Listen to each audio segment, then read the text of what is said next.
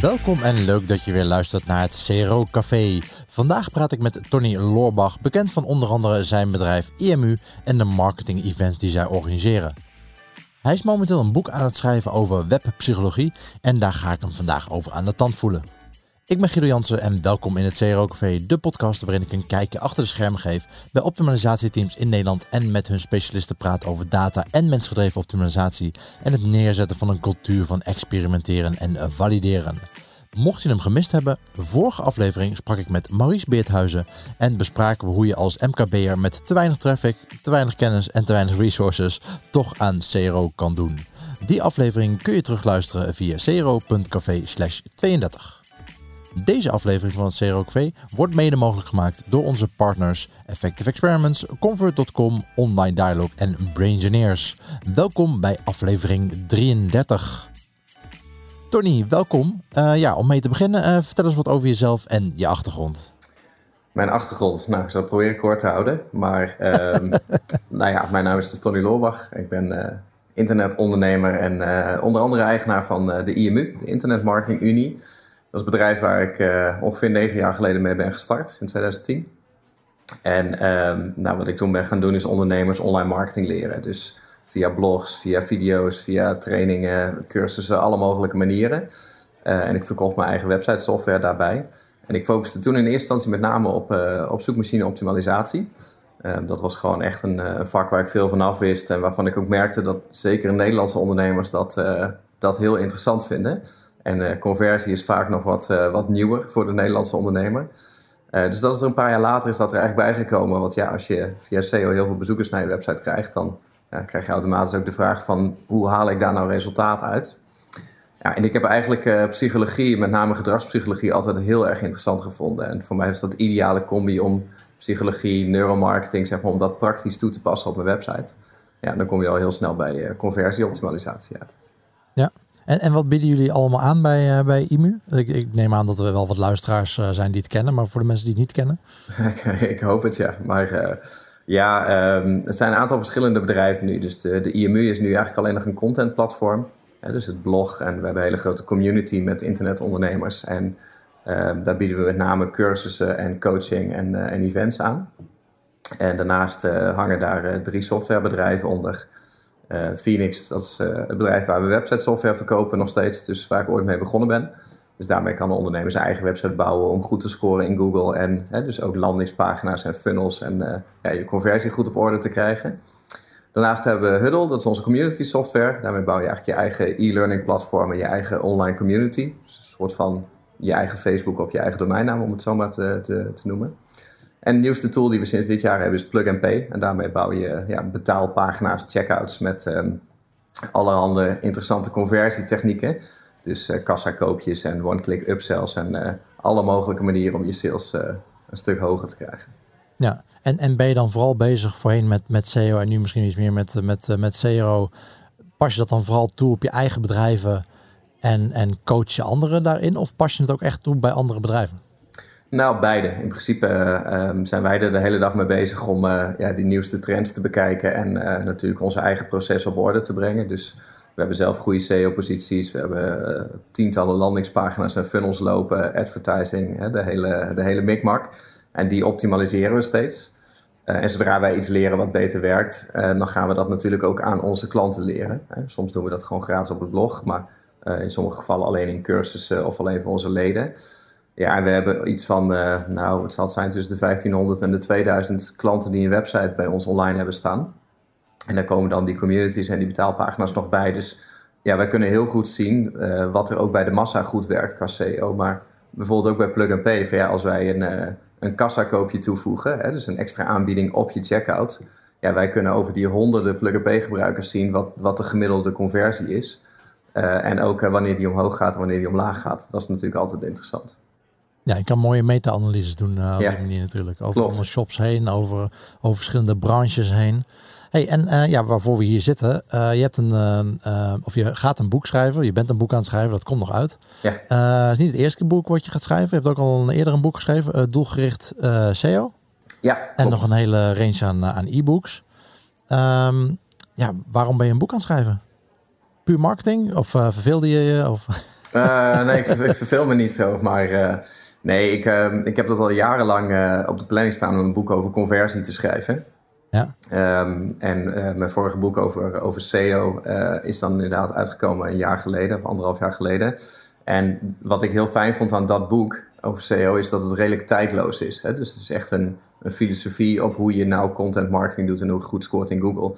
En ik vind het fijn dat ik dat dan niet ieder jaar bij elke Google update hoef te gaan aanpassen. En uh, conversie leent zich daar nog veel meer voor. Hè? Om echt een beetje een conversiebijbel te schrijven. Van zo werkt uh, gedragspsychologie online en zo kan je daarop inspelen. Dus ik heb altijd een beetje zitten wachten op het ideale moment dat ik dacht van ja, dit is het boek zoals het echt moet worden. Uh, en dat had ik een paar maanden geleden, had ik die outline klaar. Dus nu ben ik lekker aan het schrijven. En, en met welk hoofdstuk ben je nu bezig bijvoorbeeld? Of, of, spring je een beetje van hot naar her? Ik weet niet hoe, jouw hoe je aanpak is. Nou, ik moet eerlijk zeggen, de outline is helemaal klaar. dus ik hoef echt alleen nog maar de content in te vullen.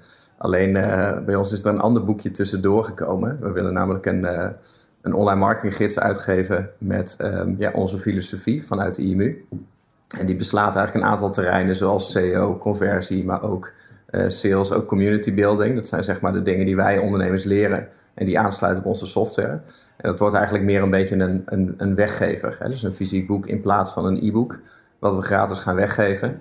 Uh, waarmee we dan ook weer onze mailinglijst gaan opbouwen. En ja, dus eigenlijk is die belangrijker voor onze business dan mijn persoonlijke conversieboek. Ja. Uh, dus die hebben we er even tussendoor getrokken en daar ben ik nu mee aan het schrijven. Maar, maar vertel eens, hoe, wat is de rol van zo'n van zo'n boek voor jullie business?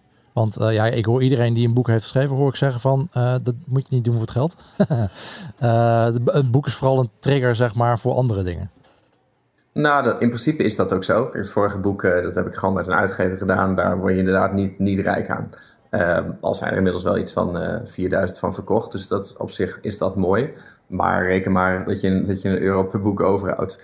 Dus dan doe je het voor je autoriteit. Hè? Dus zo'n boek, uh, die van mij was dan een bestseller. Nou, dat kan ik dan voor altijd achter mijn naam zetten. En ehm, mensen associëren een auteur ook vaak meer met autoriteit. En als je een e-book hebt geschreven, dan heb je dat al iets meer. Eh, maar bij een fysiek boek is dat nog, nog extra. Um, Alleen uh, wij zijn nu aan het, aan het, kijken van, nou, enerzijds hoe kunnen we er wel geld aan overhouden. Uh, dat doen we bijvoorbeeld door het zelf uit te gaan geven. Want als wij een boek voor 20 of 30 euro verkopen en wij hebben alleen onze drukkosten, dan kunnen we er wel iets meer aan overhouden dan een euro. En ik denk dat het zeker mogelijk moet zijn om zeg maar goed te verdienen aan een boek. Maar het boekje wat we nu willen schrijven, die is dan weer niet bedoeld om te verdienen op de voorkant. Uh, maar we willen eigenlijk een beetje, hè, omdat er nu zoveel ondernemers zijn die gratis e-books weggeven, ja, dan wil je op een gegeven moment gaan onderscheiden. Dus wij dachten, als we nou een fysiek boek doen, die je voor alleen verzendkosten kan krijgen, dan hebben we niet alleen heel veel bereik, maar dan geven we ook iets nog waardevollers weg.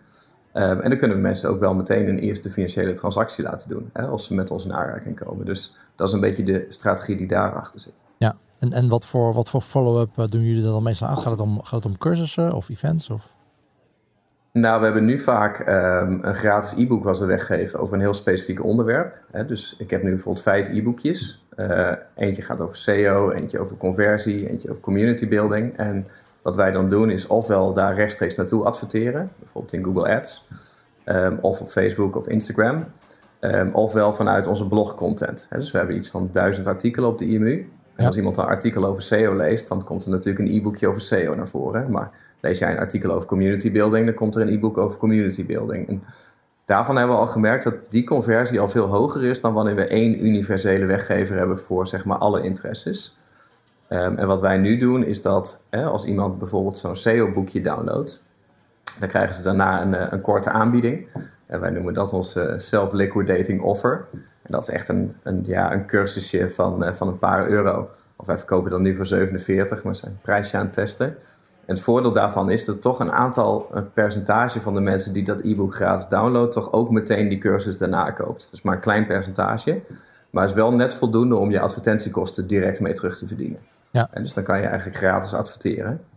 En wat we dan vervolgens doen is dan hebben we een autoresponder met, hey, je hebt eerst een SEO e-book en daarna krijg je een SEO video en dan krijg je een SEO podcast, dan krijg je nog een keer een SEO case study en uiteindelijk een aanbieding om met onze SEO-software te gaan werken. Dus het blijft wel heel specifiek. Ja, een hele range aan diensten die je, er, uh, die eraan koppelt. Uh, ja. Klopt. En, en een boek uitgeven, valt het mee of valt het tegen om het zelf te doen?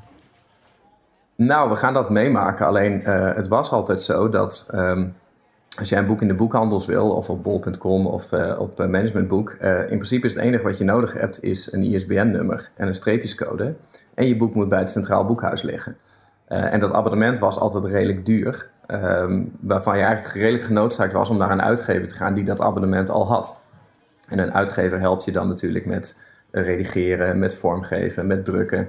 Ja, verspreiding.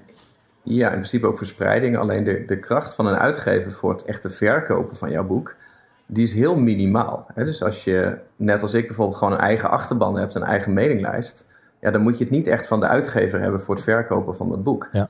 Uh, en dus ik heb een beetje zitten kijken, maar zo'n abonnement bij het Centraal Boekhuis, dat kost uh, drie tientjes in de maand. En uh, zo'n streepjescode en zo'n ISBN-nummer aanvragen, dat is echt in een vloek en een zucht gebeurd. Ja. Dus ik denk dat dat heel erg meevalt. Oké. Okay. Nou, dus gaan we gewoon proberen. Ja, gaat er gewoon voor. Ja. Door neurowetenschappen met AI te combineren, detecteren ze bij Braingineers de emoties onder consumenten op basis van hersendata. Tegelijkertijd worden ook eye-tracking, mouse-tracking en schermopnames vastgelegd, zodat je per seconde kan zien hoe je consument online interacteert en wat zij op dat moment onbewust voelen. Deze informatie wordt toegankelijk gemaakt voor je hele team middels hun Emotion Analytics platform BrainPeak, de sleutel tot de ware consumentenbeleving. Ontdekken hoe consumenten zich echt voelen op jouw website? Ga naar www.braingineers.com. Hey, en uh, nou, superleuk om te, om te horen. Maar uh, laten we het ook inhoudelijk over dat boek gaan hebben. Uh, ja. Want ik ben wel benieuwd, nou ja, of inhoudelijk. je hebt nog dus de hoofdstukken nog niet geschreven. Nee. maar, maar wat kun je als, ons al vertellen over, de, over die outline? Waar, ga je het over hebben in het boek? Wat, wat wil je overbrengen? Nou, het is, het is eigenlijk een totale filosofie voor hoe je met conversieoptimalisatie aan de slag gaat. dus ik wil in eerste instantie um, de basis uitleggen. Dat begint meer bij uh, nou, hoe, hoe het internet eigenlijk ons als mensen veranderd heeft. Of met name uh, hoe je omgaat met de aandacht die we online hebben. Dat is misschien een betere basis om uit te leggen. Want dat is eigenlijk het nummer één probleem. Is dat de aandachtspannen van mensen online... die gaat natuurlijk keihard, achteruit. Zo hoef ik jou dat waarschijnlijk niet uit te leggen als, uh, als specialist. Maar uh, dat, dat is iets waar je in eerste instantie al bij stil moet staan. En dat je een website zo gaat inrichten dat je weet dat je die aandacht moet grijpen en hoe je dat dan kan doen. Uh, maar ook hoe je bijvoorbeeld omgaat met, uh, met keuzestress. Om je een heel klein voorbeeldje te geven uit het boek. Ehm, een tijdje geleden las ik een onderzoek. Ehm, onderzoek wat ze op een Amerikaanse universiteit hebben gedaan, waar ze studenten in twee groepen hebben verdeeld. En die beide groepen hebben ze allemaal een iPad gegeven met op die iPad een stuk tekst met wat, wat feitenkennis, wat informatie die ze moesten gaan bestuderen. waarna ze daarna een overhoring kregen over die tekst. Nou, hadden ze de ene groep een iPad gegeven met in principe gewoon witte achtergrond, zwarte tekst, verder niks erop of eraan. En die andere groep hadden ze precies hetzelfde gegeven. Alleen in de tekst hadden ze woorden blauw gemaakt en onderstreept. Hè? Net alsof dat het linkjes waren. Ja. Maar het waren niet echt linkjes, dus je kon er niet op klikken. Ze waren alleen maar blauw en onderstreept.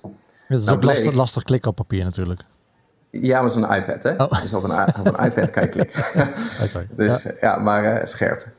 Nou ja, toen bleek uiteindelijk in de overhoring dat uh, de groep studenten die die iPad had gehad met die blauwe onderstreepte woorden significant lager scoorde op de overhoring dan de groep die dat niet had gehad. Okay. En uh, zo zijn er heel veel van dat soort onderzoeken wat eigenlijk laat zien dat gewoon puur en alleen al uh, de look en feel van een link, dat doet jouw aandacht al afdwalen naar wat zou er gebeuren als ik op die link geklikt heb. Hè? Dus het is toch een soort van afleider. En elke vorm van afleiding verlaagt de intensiteit van je concentratie. En uh, daarmee zie je dus ook dat als je intensiteit van concentratie lager is, dat je minder opslaat, minder uit de tekst haalt. En als je zo'n onderzoekje leest, uh, dan durf je daarna al helemaal niet meer naar je website te kijken. Hè, want je website ja. staat natuurlijk vol met afleiders. Ja. Um, en dat, dat is in eerste instantie wat ik mensen in het boek al duidelijk wil maken. Hè. Dus, dus daar rondom. Uh, wil je je website op een hele andere manier inrichten. Dat je niet alleen naar de juiste doelgroep communiceert, hè, dat je de juiste bezoekers krijgt, maar ook dat je in principe in zo afleidingsvrij mogelijke omgeving altijd werkt. Want als je dat niet op orde hebt, ja, dan heeft het niet ja. zo'n zin om met neuromarketing en met gedragspsychologie aan de gang te gaan. Ja, tenzij je dat dus wil gebruiken, eh, die afleiding, om mensen ergens anders eh, hun aandacht op te laten vestigen natuurlijk. Ja, nou, in principe kan dat. Kijk, um, als je bijvoorbeeld op mijn website komt, mijn homepage, Um, dan komt er na drie seconden komt er een kleine uh, post-it ingevlogen in de, in de hoek. Hè? En dat is waar ik wil dat je je aandacht op focust. Want dat is mijn gratis e-book. Uh, en zodra je daarvoor aanmeldt, dan kom je eigenlijk in mijn funnel. Hè? Dat, dat is waar de route start. Dus ja, ik gebruik daarvoor een aantal triggers. Hè. Ten eerste komt die aanbieding pas na drie seconden. Uh, want ik weet dat bezoekers er gemiddeld twee à drie seconden over doen om te besluiten of ze wel of niet op een website blijven of niet. Dus in die eerste drie seconden ben je onrustig. Hè. Is in principe alles interessant. Uh, daarna komt de rust terug. Ja, en als er op dat moment iets in beeld komt, dan trekt dat natuurlijk je aandacht. Daarnaast gebruiken we die beweging. Uh, want ook beweging is weer een soort van trigger van het reptiele brein. Dus als jij uh, duizenden jaar geleden ergens door de rimboe liep of ergens over de savanne en er beweegt ergens iets, dan triggert dat natuurlijk je overlevingsinstinct. Hè? Dan ben je daar alert op. En dat kan je op een website kan je dat ook gebruiken door de aandacht te focussen met subtiele bewegingen. en de derde trigger die we daarbij gebruiken is een stukje overlapping. Hè? Dus dat we een post-itje gebruiken wat uh, niet onderdeel is van het design, hè, dat het niet mooi past, maar dat het er overheen ligt. Uh, en dat is net als bijvoorbeeld een rood bolletje op je telefoon. Hè. Dat zit ook niet mooi in het midden, maar dat zit er irritant overheen in het hoekje, hè, waardoor het stoort en het contrasteert, uh, waardoor het ook weer meer aandacht trekt. Ja, super irritant. Zeker als er een nummertje in staat ook nog. Ja, klopt. Natuurlijk weg zouden dat ook nog moeten doen. Ja, ja. maar klopt. De, maar de hypothese was dus van het onderzoek van... Uh, oké, als, als mensen door linkjes... Uh, gaan, ze, gaan ze over andere dingen nadenken. Gaan ze, gaan ze verder denken dan alleen de tekst uh, die ze op dat moment lezen. En het ja. idee is dus dat ze, dat, dat afleidt. Um, ja, oké. En dus we gaan ook geen linkjes terugzien in jouw geprinte boek dan, neem ik aan. Nee, in principe niet. Nee, maar kijk, ook daar is, is het lastig. Hè? Want um, bijvoorbeeld als dit niet een conversiepodcast zou zijn, maar bijvoorbeeld een SEO-podcast, dan zou ik je bijvoorbeeld een tip hebben gegeven van ja, ga in je blogs allemaal interne linkjes plaatsen. Hè? Net zoals dat Wikipedia dat doet, want dan verbind je al je pagina's met elkaar en dan worden ze, wordt je website sterker en dan ga je beter scoren in Google, wat ook helemaal waar is. Alleen uh, ja, de keerzijde van de medaille is dat die linkjes allemaal wel een afleidend effect hebben. Ja. En uh, daar moet je dus een beetje een onderscheid in zien. Hè? Dus als jij iets van een bezoeker wil in een conversieomgeving, dus bijvoorbeeld een, uh, een aanmelding op je mailinglijst of de verkoop van een product of aanvraag van een offerte, dan wil je dat soort stoorzenders weghalen. Dan zit je in een informatieomgeving waar je alleen wilt dat een bezoeker meer van jou leert kennen, dat je een band opbouwt en dat ze rond gaan klikken in je website, ja, dan wil je dat juist wel doen. Ja, Google zegt natuurlijk dat ze dat ze zich zoveel mogelijk opstellen uh, uh, de baten van de gebruiker.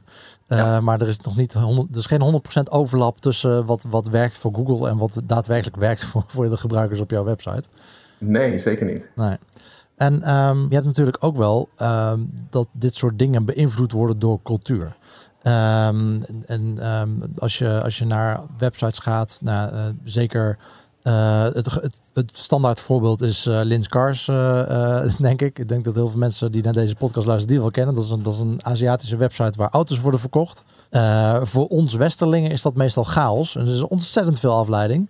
Mm. Maar blijkbaar voor, voor mensen die, daar, die in Azië zijn, zijn, die zijn dat gewend, zeg maar. Dus dat hangt er ook mm. wel heel erg af van, van wat je doelgroep daarin gewend is, zeg maar, qua afleiding. En misschien is bij linkjes, altijd, is, linkjes zijn die altijd een afleiding, dat geen idee. Uh, Maar ik kan me voorstellen, dat soort dingen zijn wel cultuursafhankelijk, zeg maar. Uh, wat, wat geldt als afleiding en wat mensen als normaal ervaren. Ja, enerzijds is dat zo. Um, er zit een groot verschil tussen, tussen culturen als het gaat om dat je bijvoorbeeld tegen Duitsers heel anders praat dan tegen Amerikanen op ja. je website. Ja. En dus teksten één op één vertalen, dat, dat, dat werkt niet zo. Er zit ook een heel groot verschil tussen westerse culturen en oosterse culturen. Hè. Westerse culturen zijn veel meer individueel gericht spreek je de persoon aan. Oosterse culturen zijn vaak veel meer community gericht. Hè? Veel meer het wij-gevoel, het Ubuntu-gevoel. Dus die spreek je ook anders aan. Daarom ben ik nooit zo'n fan van meertalige websites of hè, alles maar kopiëren, want dan zijn we maar multina multinationals. Alleen eh, als het gaat om dit soort uh, fundamentele psychologische dingen, denk je kan jezelf natuurlijk aanleren om beter om te gaan met afleiding. Uh, maar dat betekent niet dat je in eerste instantie niet gevoelig bent voor die, voor die afleiding. Dus je kan je er beter tegen wapenen. Uh, maar nog steeds zul je merken dat als je afleiding weghaalt, dat je conversie omhoog gaat. Ik zag heel interessant laatst ook een onderzoek van, uh, van Unbounce. Zij hadden een webshop Taloon.com onderzocht en er werden ehm, ja, dingen als grasmaaiers en sneeuwschuivers en dat soort apparatuur verkocht. En zij merkten in hun webshop, in het winkelmandje eigenlijk, of in de checkout page, sorry. Dus je gaat naar een product toe en je komt op een uh, productpagina waar je dat product kan toevoegen aan je winkelmandje en kan gaan kopen.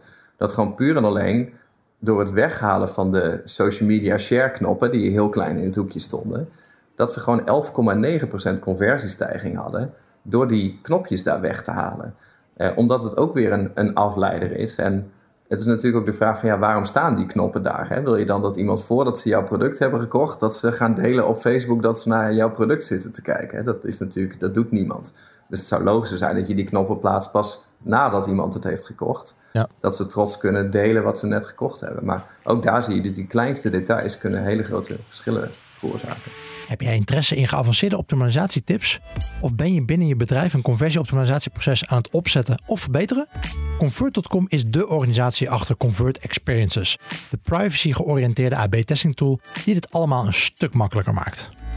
Daarnaast hebben ze nu Convert Launch, een nieuwe service als aanvulling op je AB-testing software dat jou de ondersteuning geeft van een gecertificeerd conversiebureau. Denk aan extra training, opzetten van een interne hypothese en prioritering en hulp bij experimenteren. Voor meer informatie hierover ga je naar convert.com/launch. Dat is ook maar weer uh, een mooi voorbeeld dat, dat je er voorzichtig uh, mee moet zijn dat je dingen gaat kopiëren van, uh, van, je, van je competitors. die hebben ja. misschien leuk die knoppen staan, maar ja, misschien werkt het niet voor hun. Misschien werkt het wel niet voor jou. Wat wij wel gemerkt hebben veel is, hè, we, leren ondernemers dit nu iets van negen jaar. En dat zijn eh, mensen die zelf webshops bouwen en zelf websites bouwen. En we zien dat ondernemers hebben vaak een beetje een, een angst voor de lege ruimte. Hè. Wij noemen dat uh, uh, vaak horror vacui. Dat komt uit, uit de kunstwereld. De angst voor de lege ruimte bijvoorbeeld in een schilderij. Dat je geen hoekje leeg durft te laten. En dat zien we bijvoorbeeld bij de WordPress-gebruikers. Dus die stoppen hun zijbalken helemaal vol met alles wat WordPress te bieden heeft. Met tag clouds en met uh, categorieoverzichten en datumoverzichten en alles wat je maar kan verzinnen. En in die webshop software uh, heb je ook heel veel van dat soort mogelijkheden. Dus ja, als een ondernemer zelf een webshop gaat bouwen en heeft de mogelijkheid om social media knoppen toe te voegen, dan doet hij dat vaak. Hè? Want het is weer iets wat je zelf hebt gemaakt, wat je zelf hebt toegevoegd en waar je trots op bent. En dat durf je dan vervolgens niet weg te laten. Ja, hetzelfde verhaal een beetje met sliders op de homepage, toch? Want uh, zeker bij grote bedrijven ja, uh, iedere die, elk department wil wel, uh, wil een plekje op die homepage hebben. Liefst, uh, liefst boven de fold. Dus ja, dan maar een slider. ja, klopt. Ja, nou ja, die, de, de mythe van mensen scrollen niet. die, dat is een redelijke hardnekkige. Hè, waardoor mensen inderdaad gewoon hun website aan de bovenkant helemaal vol proppen met alles wat ze maar te melden hebben. Waar de laatste klanten, die had gewoon 121 actieve WordPress plugins. En die had echt een zijbalk. Daar moest je een dag op scrollen om aan de onderkant te komen. Ja, het duurde, ook, uh, duurde alleen al een dag om uh, in te laden, denk ik, of niet? Ja, er was op die website een laadtijd van meer dan 40 seconden. En uh, ja, ja. Daarom, daarom kwam ze bij ons vragen van hoe fix ik dat. Maar dan had je echt na, na vijf minuten scrollen... kwam je dan bij bijvoorbeeld een, een paar boeken via bol.com... via zo'n affiliate link. Zeg van ja, heb je dat ooit wel eens verkocht? Nee. Dus hoe lang staat het er al op? Ja, jaren. Zeg, waarom haal je het er dan niet af? Nou, dat wilden ze niet. Want ja, er is een kans dat iemand ooit op de site komt en dan via jouw affiliate link zo'n boek gaat kopen. Dus ja. die verliesaversie, om het weg te laten, ja, die is heel groot. Ja, en, en wat, wat is de kickback fee voor een affiliate op uh, bol.com? Wat krijg je dan, denk je? Nou, een eurotje. Ja, meer, meer zal het niet zijn, hè? Nee, niet veel, nee. Krijg je gewoon net zoveel als de auteur van het boek? Nou, sterker nog, um, ik als affiliate van mijn eigen boek verdien meer dan ik als auteur van mijn eigen boek. Echt waar? ja, ja, wij hebben dit jaar meer verdiend als affiliate aan doelgerichte SEO dan ik als auteur. Ja. Ja, dat is wel een beetje de wereld op skop. Uh. Ja, dat is een beetje sneu, ja. Ja, dat is, ja. dat is weird. hey, uh, ja, uh, wat staat er nog meer in je boek?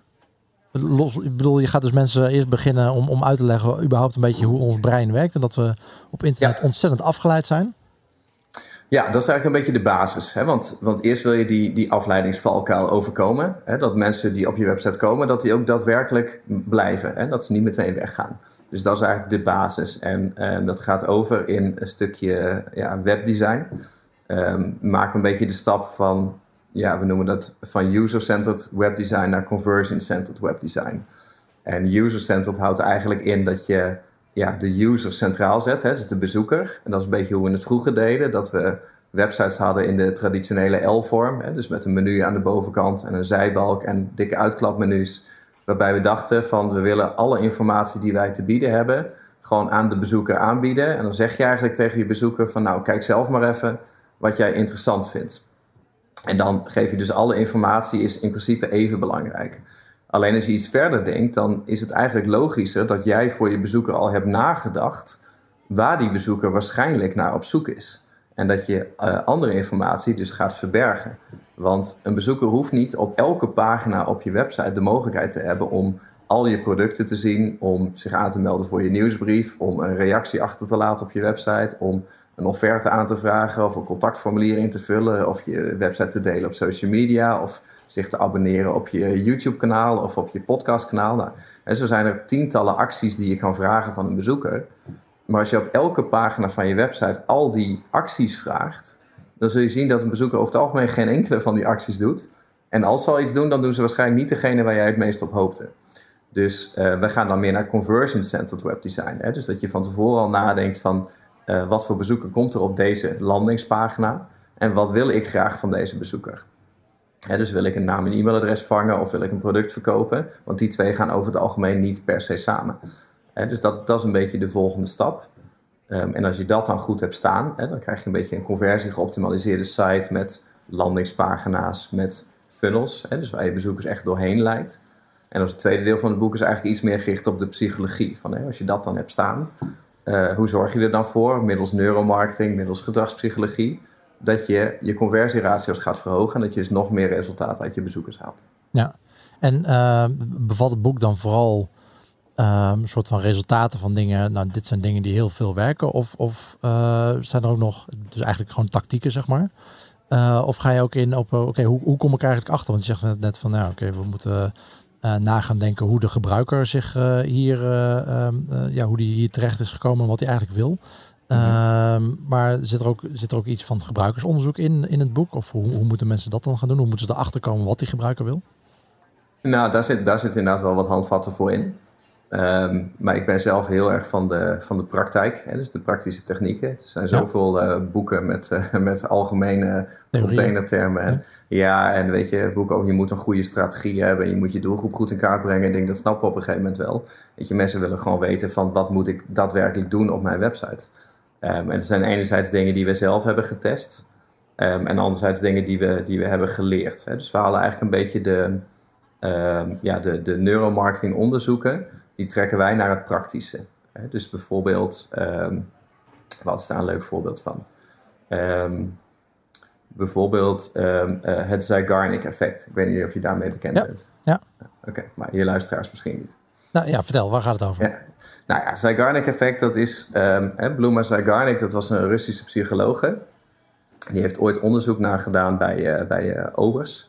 Uh, dus in de horeca van hè, hoe kan het nou dat een ober die zeg maar een aantal tafels bedient, die nog niet hebben afgerekend, precies uit zijn hoofd weet te vertellen wat die tafels precies allemaal besteld hebben. Maar zodra mensen hebben afgerekend, dan kan een ober zich dat over het algemeen niet meer herinneren wat ze nou precies besteld hadden. Uh, dus dat schijnt iets te zijn in de horeca. En dat hebben ze onderzocht. Nou, dat noemen ze het Zeigarnik-effect, dat het brein zeg maar niet goed af, om kan gaan met onafgeronde taken. En dus zolang jij ergens midden tussenin zit in een onafgeronde taak, dan ben je over het algemeen scherper, ben je alerter. En dat hangt een beetje samen met de aloude salestechnieken van de foot in the door techniek. Als jij al binnen bent of als je mensen al een paar keer ja hebt laten zeggen aan de telefoon, dan wordt het makkelijker om vervolgens nog een keer ja te zeggen. Nou, dat soort onderzoeken, hè, dus die behoefte aan consistent zijn naar je eerdere beslissingen en niet om kunnen gaan met onafgeronde taken, en dat halen wij dan bijvoorbeeld naar je website.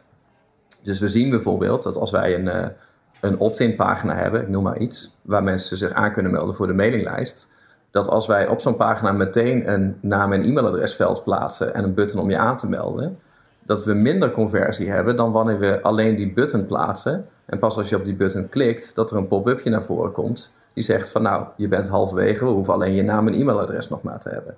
En dat lijkt me zo'n klein, verschil. Alleen door op die button te klikken maak je een soort van micro-commitment en zit je halverwege in het proces. En als je dat dan ook nog visueel ondersteunt en mensen de tweede stap laat zetten, dan zie je dat je conversies daardoor omhoog gaan. Nou, zo hebben we tientallen van dat soort technieken die dan in het boek ook natuurlijk weer terug. Ja, ja dus ook gerelateerd aan het uh, ja, gewoon task completeness, zeg maar dat je, uh, nou we kennen denk ik allemaal, iedereen die wel een keertje een LinkedIn profiel heeft aangemaakt, dan staat er ook zo'n balkje rechtsboven van uh, je profiel is voor 80% compleet. Ja. En, en, nee, ik wil mijn telefoonnummer niet invullen, maar ja, dan gaat, hij dan gaat, het, Klopt. dan gaat dat ja. balkje wel weg. Uh, dus uh, dan vul ik daar maar wat in. Uh, dat, dat, is ook, ja. Ja, dat, dat, maar dat is, dat is een verwante. Hè? We noemen dat, ja. of in de psychologie noemen ze dat het endowment effect. Het is een soort van perceptie van voortgang. wij doen dat bijvoorbeeld in onze ledensites ook. Hè? Dat we hebben dan al onze cursussen. En als jij uh, één van die cursussen hebt gekocht, dan log je in en dan kan je op die cursus klikken. Maar je ziet al die andere ook wel. Maar die zijn allemaal zwart-wit. En als je daar dan op klikt en uh, je koopt er eentje, dan wordt die automatisch ingekleurd. Dus het is een beetje een soort van adventskalender wat je aan het vullen bent. En we hebben heel vaak in het verleden uh, mailtjes gekregen van mensen die zeiden van nou hè, ik heb toch die laatste cursus van je ook gekocht, want ik wilde de collectie compleet hebben. En dus dan wordt er een soort van, komt een soort van verzameldrift in. Um, en dat, ja, dat hoort een beetje bij dit principe. Online Dialog is al tien jaar een toonaangevend CRO-bureau waar mensen, kwaliteit en kennisoverdracht centraal staan. Ze zijn een specialist omdat ze zich alleen richten op optimalisatie en klantgedrag. Het team zorgt voor online groei en waardevolle inzichten in je bezoekers en optimaliseren samen met jou de verschillende onderdelen van je CRO-programma, zoals websites, sales funnels en customer journeys. Voor meer info ga je naar onlinedialog.nl. Maar hoe ga je dan om met, uh, ik bedoel, ik, heb, ik, ik doe zelf veel experimenten uh, met dit soort uh, tactieken. Um, de ene tactiek is de andere tactiek niet. Het hangt heel erg van je website, van je, van je product of van je doelgroep af of iets werkt of niet. Mm -hmm. um, dus wat is een beetje je advies in dat boek? Zeg van oké, okay, hier heb je er 50 van die tactieken, voer ze allemaal maar door. Uh, en, en, en, hoop voor de best. Uh, of, of zijn het tactieken waarvan je denkt van oké, okay, die, die werken meestal wel? Of, of ja, wees er voorzichtig mee? Of hoe, wat is je advies daarin? Um, nou ja, kijk, een heleboel technieken hoef je niet per se voorzichtig mee te zijn. In de zin van dat het schade kan doen. Um, je moet het altijd zelf testen. Ik bedoel, dat, dat, dat blijkt gewoon altijd. Uh, maar er zitten natuurlijk wel een heleboel universele waarheden in. in hoe het brein werkt en hoe menselijk gedrag zich vormt op jouw website. Dus uh, enerzijds is het het begrip hè, dat over het algemeen je heel anders met je website omgaat. En als ik heel eerlijk ben, dus ik kijk naar uh, Nederlandse websites, Nederlands ondernemerschap, um, dat is niet extreem geavanceerd als het gaat om conversieoptimalisatie. De meeste websites die wij zien, um, dan moet je echt eigenlijk helemaal opnieuw beginnen. Echt aan de basis, omdat ze helemaal niet vanuit een conversiegedachte gebouwd zijn. Um, en op een gegeven moment als je dat hebt staan, dan kom je wat verder. Um, en dan begrijp je al meer hoe het conversiespelletje werkt. Nou, zijn er enerzijds heb je een heleboel praktische dingetjes, zoals bijvoorbeeld hè, wat ik net noemde, wat je aan kan passen in je formulieren. Dat kan je gewoon, uh, kan je gewoon gaan testen. Um, als je op het meer ethische vlak komt, dus bijvoorbeeld, ja, wij leren ondernemers ook om acties bijvoorbeeld met uh, deadlines te hanteren. Hè? Dus dat je echt letterlijk op jouw aanbiedingspagina een grote afteller zet met aanstaande vrijdag om 10 uur, dan sluit deze actie. Ja. En um, daar is altijd een beetje weerstand tegen. En dat snap ik ook, want ik vind dat ook vreselijk om met aftellers te werken. Maar ik doe het wel al negen jaar, want ik weet, bij ons is deadline dag is altijd een verdubbeling van de omzet van de hele actie. En doen we het niet, ja, dan zijn we echt een dief van onze eigen portemonnee. En dat leren we aan ondernemers uh, om dat te doen. Maar we leren ze ook hoe ze dat bijvoorbeeld kunnen automatiseren in een, in een funnel. Dus dat je niet uh, nu dat werk een teller afloopt, maar dat je met cookies werkt dat op het moment dat iemand zich aanmeldt voor jouw mailinglijst, dat jij zegt van hé, hey, jij krijgt het komende uur, uh, krijg jij een aanbieding. En dat dat alleen voor die persoon daadwerkelijk het komende uur is. Of dat ze een aantal mails van je hebben gekregen, een autoresponder. En dat ze op een gegeven moment een aanbieding krijgen met een deadline die alleen voor dat individu is. Dus ja, dan heb je een productlancering, maar die lancering die gaat misschien wel honderd keer per dag op verschillende momenten af. Ja. Dus dan heb je eigenlijk deadline dag is dan zeg maar altijd voor jou. Uh, en daar ga je een beetje op de grens van het ethische. Van, uh, dat is echt iets wat je als ondernemer zelf moet bepalen. Of je dat wil gebruiken en ook hoe je dat gaat uh, verpakken en hoe je dat gaat benoemen. want als je tegen mensen zegt dat die lancering niet alleen voor hun is, maar voor iedereen, dan ben je in principe aan het liegen. En dan ga je over die ethische grens heen. Ja, nou waar, waar ik bijvoorbeeld aan moest denken is dat um, um, het, het, het toevoegen van, van nou, bijvoorbeeld social proof heb ik wel eens gezien dat, ik bedoel, nou we hadden het net al over die buttons natuurlijk. maar ik bedoel meer de social proof als in van oké, zoveel mensen hebben ooit, nou in jouw geval misschien deze cursus gevolgd. of dit, dit boek al gekocht. En het, nou, het boek is al 4000 keer verkocht. Mm mijn ervaring is dat dat soort dingen werken heel goed ja, waarschijnlijk 95% van de gevallen van als iets een sociaal acceptabel product is, zeg maar. Als het een mhm. sociaal, als, als, ik, als ik naar mijn vrienden zou zeggen, als ik, als ik op Facebook zou willen posten van oké, ik heb dit boek gekocht, ben ik trots op, uh, ik ga dit lezen, vond het leuk, dan is er niks aan de hand. Um, maar je hebt ook uh, producten die misschien wat sociaal wat gevoeliger liggen. Um, ja, daar is social proof werkt daar in mijn ervaring in ieder geval minder mee. Um, als ik, als, ik, uh, als ik gewoon naar een video op YouTube ga kijken, zijn er zoveel mensen die dat die video hebben gekeken. En zoveel van mijn vrienden vinden dat leuk, prima.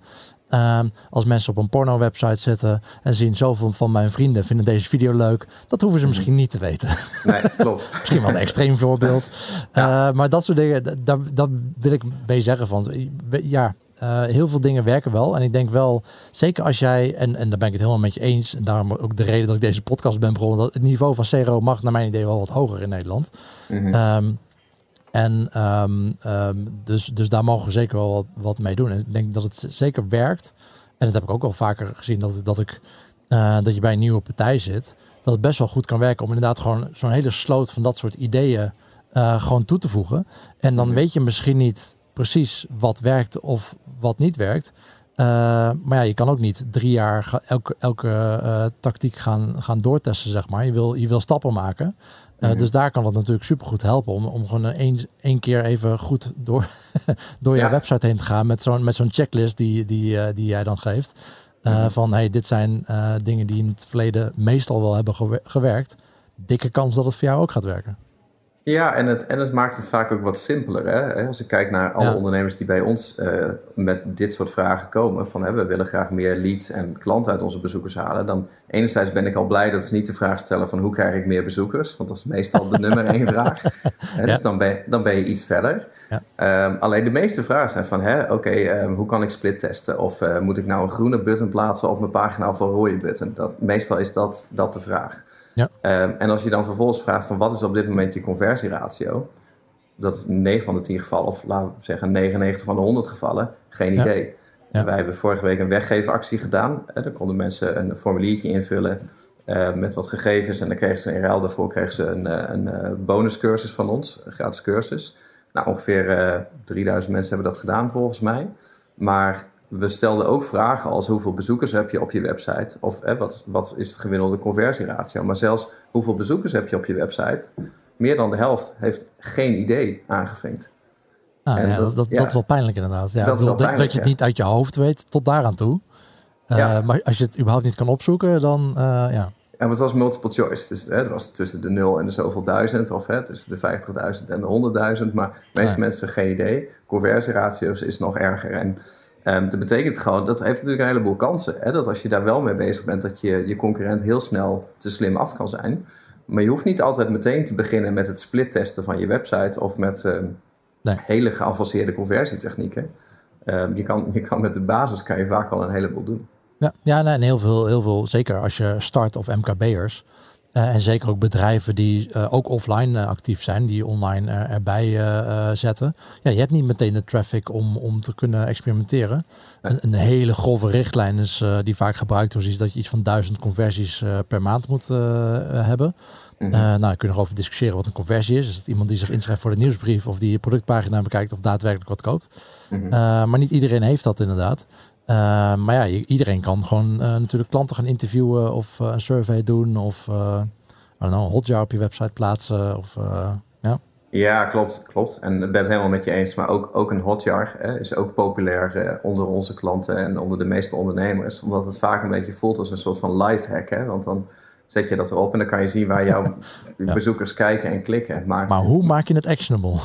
Ja, dat is vaak, vaak heel lastig. En denk, als je kijkt naar bijvoorbeeld hoe weinig ondernemers er echte testimonials op hun website hebben staan, gewoon gebruikerservaringen, dat, dat, dat kom je heel zelden tegen. En dan kan je wel naar een heatmap gaan kijken, maar je kan misschien beter inderdaad eerst dit soort universele dingen gaan toepassen.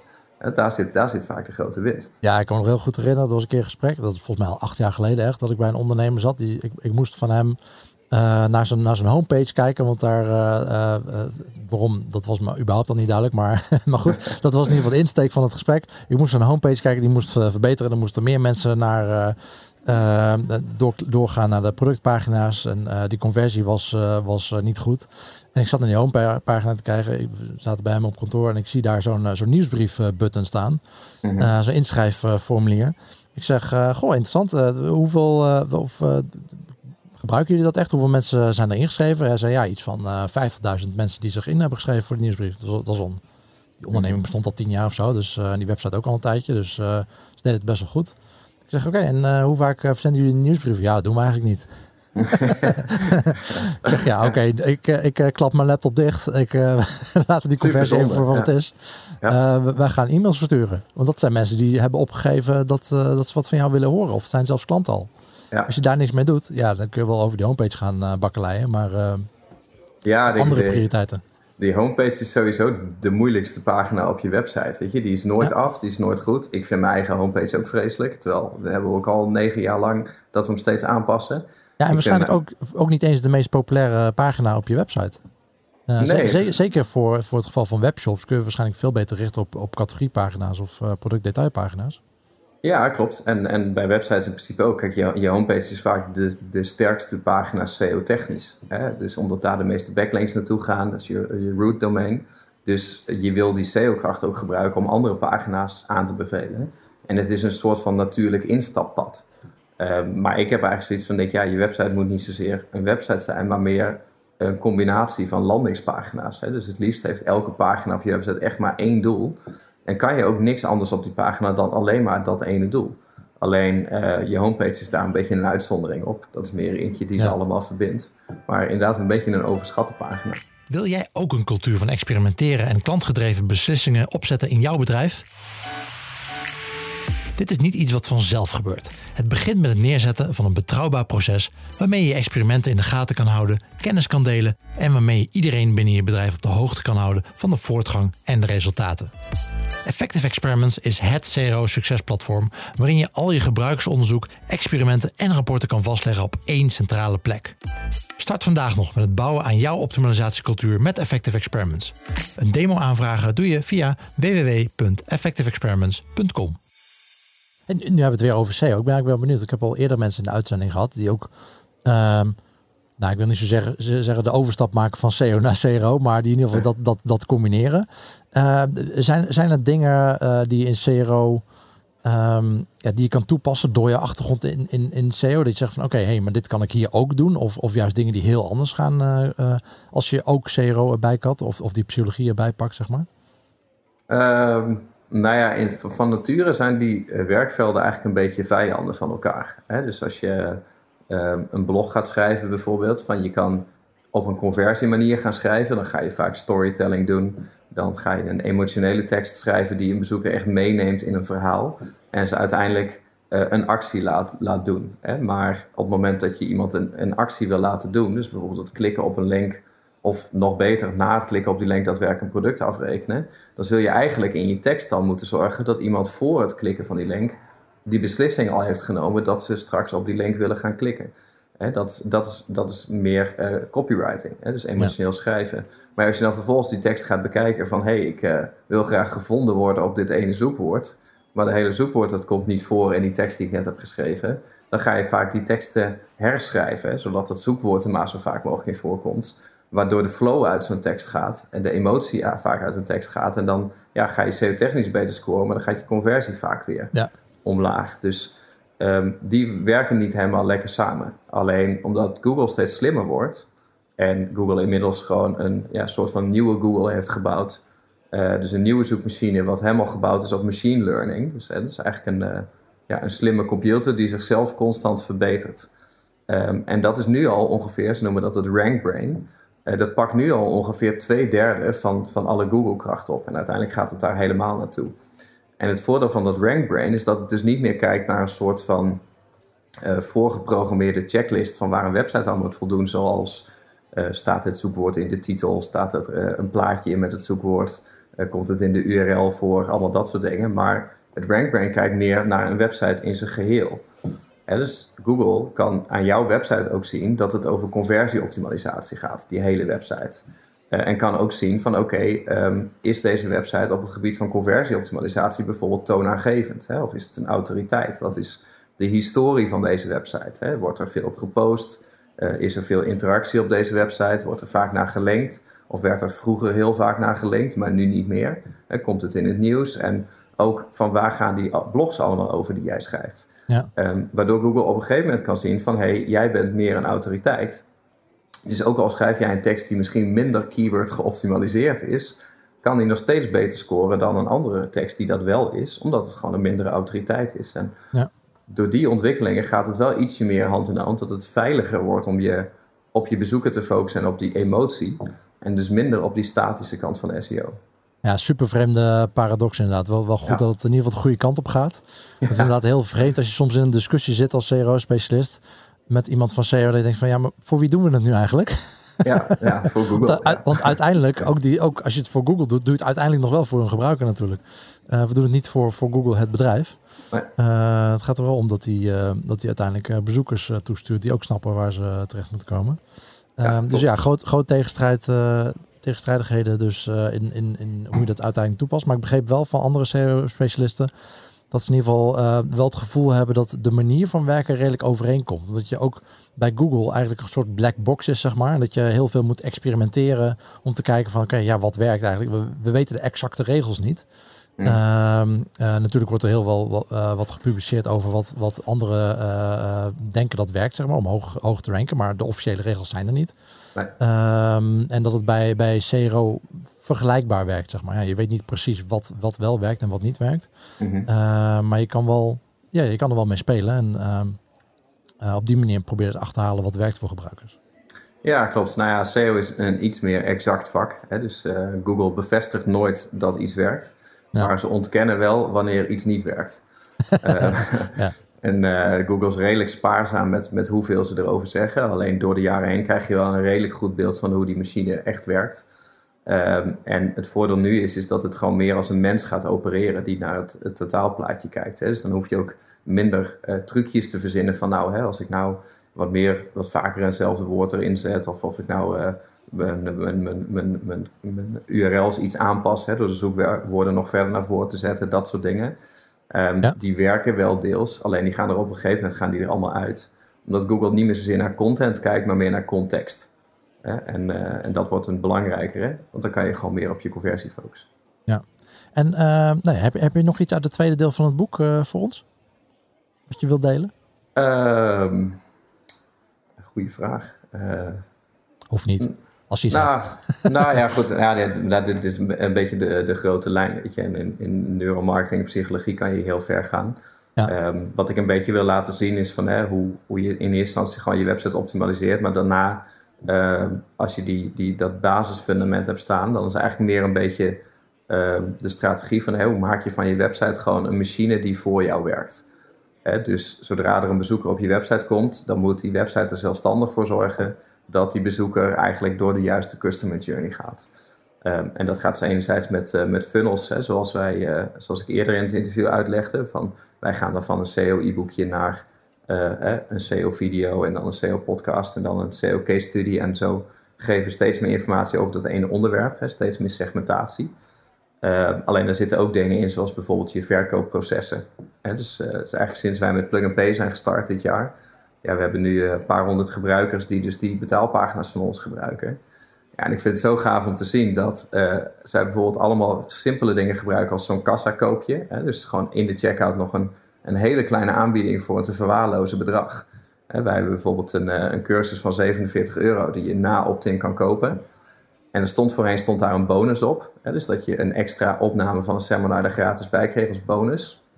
Die hebben we er toen van afgehaald. En die hebben we op de checkout hebben die als kassakoopje toegevoegd voor 17 euro. Dus dat je hem zelf kan aanvinken. En dan voordat je gaat afrekenen, vink je dat aan. En dan ga je dus 64 euro afrekenen in plaats van 47. En ja, dat soort dingetjes. En wij zien nu dat bij ons bijna 40% dat kassakoopje aanklikt. Hè? Dus, dus gaat die ordewaarde enorm omhoog. En iets wat we daar vervolgens achter hebben gezet, dat is ook nog wel een leuke, leuke takeaway uit zo'n interview, is bijvoorbeeld de one-click upsell. wat dat simpelweg inhoudt, is dat als iemand bij mij zo'n cursus koopt van 47 euro, en ze rekenen dat met Ideal af of met creditcard bijvoorbeeld, dan komen ze nou op een bedankpagina, waar wij niet zeggen bedankt voor je bestelling, je hoort van ons, maar in eerste instantie zeggen gefeliciteerd. Je hebt een goede keuze gemaakt, dus we bevestigen een goede keuze. Dat is al een belangrijke trigger. En vervolgens zeggen we, omdat je net je vertrouwen in ons hebt getoond, uh, willen wij je belonen met een extra no-brainer. Dus een extra buitenkansje. En dan geven we een tweede product wat heel goed aansluit op wat ze net hebben gekocht. Uh, en dat doen we dan met een one-click upsell. Dus dat betekent dat mensen hoeven alleen maar op akkoord te klikken op die tweede pagina. En dan gaan wij dat bedrag van dat tweede product, dat gaan we incasseren automatisch van de rekeningnummer waar ze daarnet via Ideal mee hebben betaald. Of de creditcard waar ze daarnet mee hebben betaald. Dus je hoeft niet meer opnieuw je gegevens. Je hoeft, klikt één keer op akkoord en dan wordt automatisch die incasso gedaan. En omdat dat zo laagdrempelig is, merken we daar ook echt een enorme piek in, uh, in klantwaarde weer. Maar hoe, hoe werkt dat technisch dan? Wordt het eigenlijk één order en schrijf je dat af? Of, uh... Nee, het zijn twee orders. Alleen wat wij doen, wij doen dat via Molly. Uh, en het werkt eigenlijk hetzelfde als een lidmaatschap. Hè? Dus als jij lid wordt, bijvoorbeeld bij ons, dan betaal je die eerste mhm. termijn direct. Uh, Dat maakt het ook veiliger qua debiteurenbeheer. Maar met die betaling geef jij een incassomandaat af. Ah, oké, ja. en uh, dat incassomandaat kunnen wij dan vervolgens weer gebruiken. Got it. Hey, uh, ik heb nog een laatste vraagje over een boek. Over het, over het boek dat je geschreven. Wat, wat wordt eigenlijk de titel? dat is de ene laatste vraag. Wat wordt de titel? uh, vooralsnog webpsychologie. Maar dat is nog een werktitel. Ja, precies. Uh, dus dat kan dan veranderen. Of misschien komt er nog een hele, hele leuke subtitel uh, achteraan. Uh, maar de laatste vraag. Ik bedoel, jij bent niet opgeleid als psycholoog. Dus hoe zorg je ervoor dat je, voor zover ik weet, of heb ik dat mis? ik heb geen diploma, nee. nee, nee. Dus, dus, maar hoe zorg je er dan voor ehm, dat, dat alles in jouw boek wel, wel klopt, zeg maar? Valideer je dat ergens? Haal je allemaal onderzoek ergens vandaan? Of hoe pak je dat aan? Nou, uh, een beetje gewetensvraag. Normaal gesproken, als ik een uh, lezing gaf, dat was een van de dingen die ik erbij zet: van ik geef je een heleboel praktische technieken, maar ik onderbouw niks. Dus ehm, je moet er maar op geloven dat wij dit hebben gedaan. Dit was ons resultaat. Ja. En zie, zie maar wat je ermee doet, maar je moet het sowieso zelf testen. Ehm, in het huidige boek is dat wel ietsje anders. Um, vind ik sowieso wel een goed advies trouwens, dat je het zelf moet testen. Maar ja, nou, dan, moet je zo, dan moet je sowieso, ook als het wetenschappelijk is bewezen. Ja, Alleen, Kijk, uh, in mijn boek uh, zoek ik wel wat meer diepgang. Uh, dus er, zit, er zit veel, uh, zitten veel bronnen bij, veel onderzoek op het gebied van, van neuromarketing. Alleen ehm, de grote wetenschappelijke onderzoeken zijn natuurlijk vaak veel meer, veel abstracter dan die kleine praktische dingen die wij toepassen. dus dus net zo bijvoorbeeld met zo'n Zeigarnik effect, van ja, wij moeten er een afgeleide van verzinnen. Hoe we dat dan op de website kunnen gebruiken. Het feit dat het uh, dat ons reptielbrein bijvoorbeeld gevoelig is voor beweging. Uh, of bijvoorbeeld egocentrisch is van nature. Hè? Dat we eerst denken aan ons eigen overleven en daarna pas aan iemand anders. Of um, dat eh, iets wat contrasteert, dat dat meer aandacht pakt voor een menselijk oog dan iets wat niet contrasteert. Psychologisch, als er geen contrast was in de wereld en alles had dezelfde kleur, dan kon je ook niks zien. En zo zijn er natuurlijk een heleboel dingen die wetenschappelijk aangetoond zijn. Maar ja, als wij dan zo'n principe van contrast of egocentrisch brein of beweging naar een website of naar een funnel moeten halen, dan moeten we natuurlijk op een gegeven moment wel een beetje gaan raden van uh, gaat deze theorie in de praktijk ook daadwerkelijk op. Dus daar komt het een beetje in een grijs gebied. Uh, maar dat is wat je als lezer er ook wel uithaalt van ja, dit is gewoon een voorbeeld. Ja, uh, nou ja en, en de grap is ook wel, de grap is ook wel een beetje dat je met heel veel van die psychologische onderzoek, als je die leest, uh, dikke kans dat jij veel meer bezoekers op jouw website hebt dan dat die onderzoekers in hun onderzoek hebben gehad. Mm -hmm. dus eigenlijk is, is de, de, de kracht van je eigen website, om dat op je eigen website te bewijzen, bewijzen misschien wel veel groter dan bij die onderzoeken. Uh, dus, dus test het vooral zelf. En um, uh, dan weet je in ieder geval of het voor jou ook werkt of niet. Maar ja, dat is een goede inspiratie in ieder geval, die onderzoeken. Ja. Ze zijn hopelijk meestal wel ergens op gebaseerd. Maar nou ja, dat, uh, dat wel. Maar het is echt het is zo'n nieuw vakgebied. Je ja, kan, en, uh... en er zijn natuurlijk genoeg... Uh, ik bedoel, psychologie heeft niet... of sociale wetenschappen heeft natuurlijk niet het beste Um, uh, imago wat betreft uh, betrouwbaarheid van onderzoeken. Die, uh, ik denk dat de laatste jaren dat het best wel goed gaat. Maar vanuit de jaren 60, 70, 80 zijn er wel eens onderzoeken gedaan die groot in het nieuws zijn gekomen van bepaalde effecten. Mm -hmm. Ja, wat eigenlijk niet zo heel erg valide was. Ja. niet zo representatief was. dus inderdaad, wees daar ook, ook voorzichtig mee. Allemaal met een korreltje zout nemen. Ehm, trouwens, maar over, over psychologie. Je hebt ook een podcast over psychologie, toch? Ja, klopt. Ja, ik heb, uh, ik heb er eentje over online marketing en eentje over de psychologie van succes. Ja. En dat doe ik ehm, samen met uh, Albert Sonneveld. hij is wel daadwerkelijk psycholoog. Hè? hij heeft wel daadwerkelijk de diploma's. Um, maar ik, sinds 2013 is hij mijn, mijn coach. Ja. dus ik zocht een goede coach die mij een beetje tussen de oren op de rit kon houden. En uh, mij een aantal uh, uh, ja, doorbraken op dat niveau kon geven. En daar heb ik gewoon echt super veel aan gehad. Albert heeft ons team ook heel vaak getraind. En nou, door de jaren heen zijn we gewoon hele goede vrienden geworden. En nou, nu kwam de podcast, was voor ons ideaal. Om gewoon met z'n tweeën dan vragen te beantwoorden van luisteraars over ja, obstakels of beperkende overtuigingen of psychologie. En hij heeft dan zeg maar de, de diploma's. En, uh, en ik vroeg mijn, uh, mijn praktische ervaring uit het uh, ondernemerschap eraan toe. Ja, superleuk. Daar gaan we zeker naar linken in de, in de show notes ook.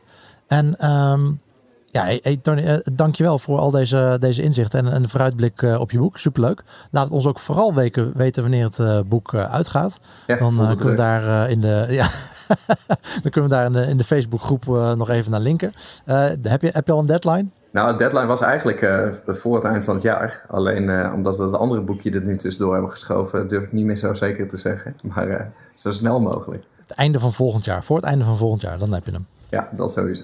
ja.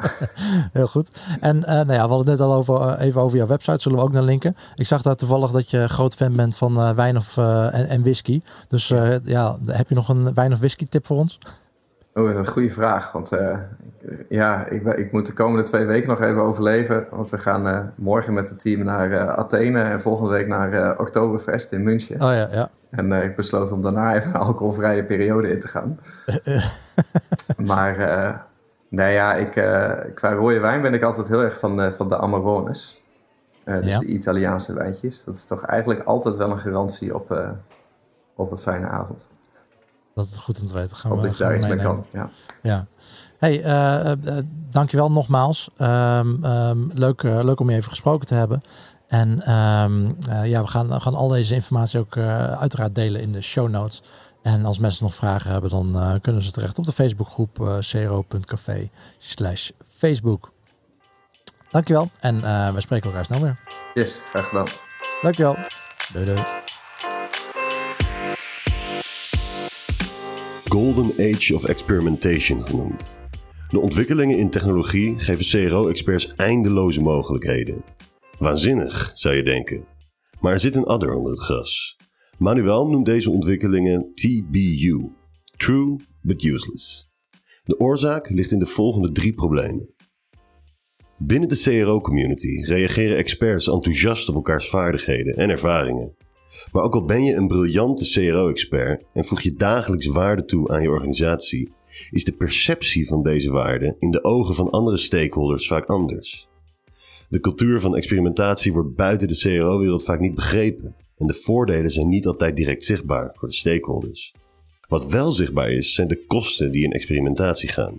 Hier ontstaan problemen. Iedere test moet ontworpen worden. Hier gaat een hoop tijd, geld en resources in. Toch blijft een tekort aan deze development resources een groot probleem. Elke afdeling binnen een organisatie heeft eigen goals en KPI's. Wanneer het grotere plaatje niet voor iedereen duidelijk is, ontstaan er communicatieproblemen. Een CRO-team met testen die nu gedraaid moeten worden, botst hierdoor vaak met een development team die zit met een overvolle backlog. Het tweede probleem is het verantwoorden van jouw waarde tegenover je werkgever. Als je baas niet bekend is met de cultuur van experimentatie en de meerwaarde van CRO, is de kans groot dat zij niet direct overtuigd is van een positieve ROI. Het laatste probleem heeft te maken met buy-in. CRO-teams hebben vaak moeite met het betrekken van management in andere afdelingen. Het opzetten van een culture of experimentation is niet in één dag gebeurd. Het duurt dan ook even voordat CRO haar vruchten afwerpt binnen een organisatie. Hierdoor is het moeilijk om verschillende afdelingen binnen één organisatie op één lijn te krijgen. In de webinar Culture of Experimentation komt naar voren dat deze drie problemen symptomen zijn van een onderliggend groter probleem. Zolang een organisatie niet op één lijn is over de meerwaarde van een cultuur van experimentatie, zullen deze problemen blijven terugkomen. In de volgende Neuronugget gaan we hier dieper op in. Volgende week bespreken we wat de vereisten zijn voor een succesvolle CRO en een cultuur van experimentatie binnen organisaties. Tot dan. Dankjewel Philip voor je wekelijkse nudge. En dit was de 33e aflevering van het CRO Café met Tony Loorbach. Het kan je niet ontgaan zijn dat we ook podcastpartners hebben. Uh, wil jij jouw bedrijf of diensten nou promoten bij de leukste CRO-specialisten van Nederland? Neem dan een kijkje op cro.café partner voor de mogelijkheden.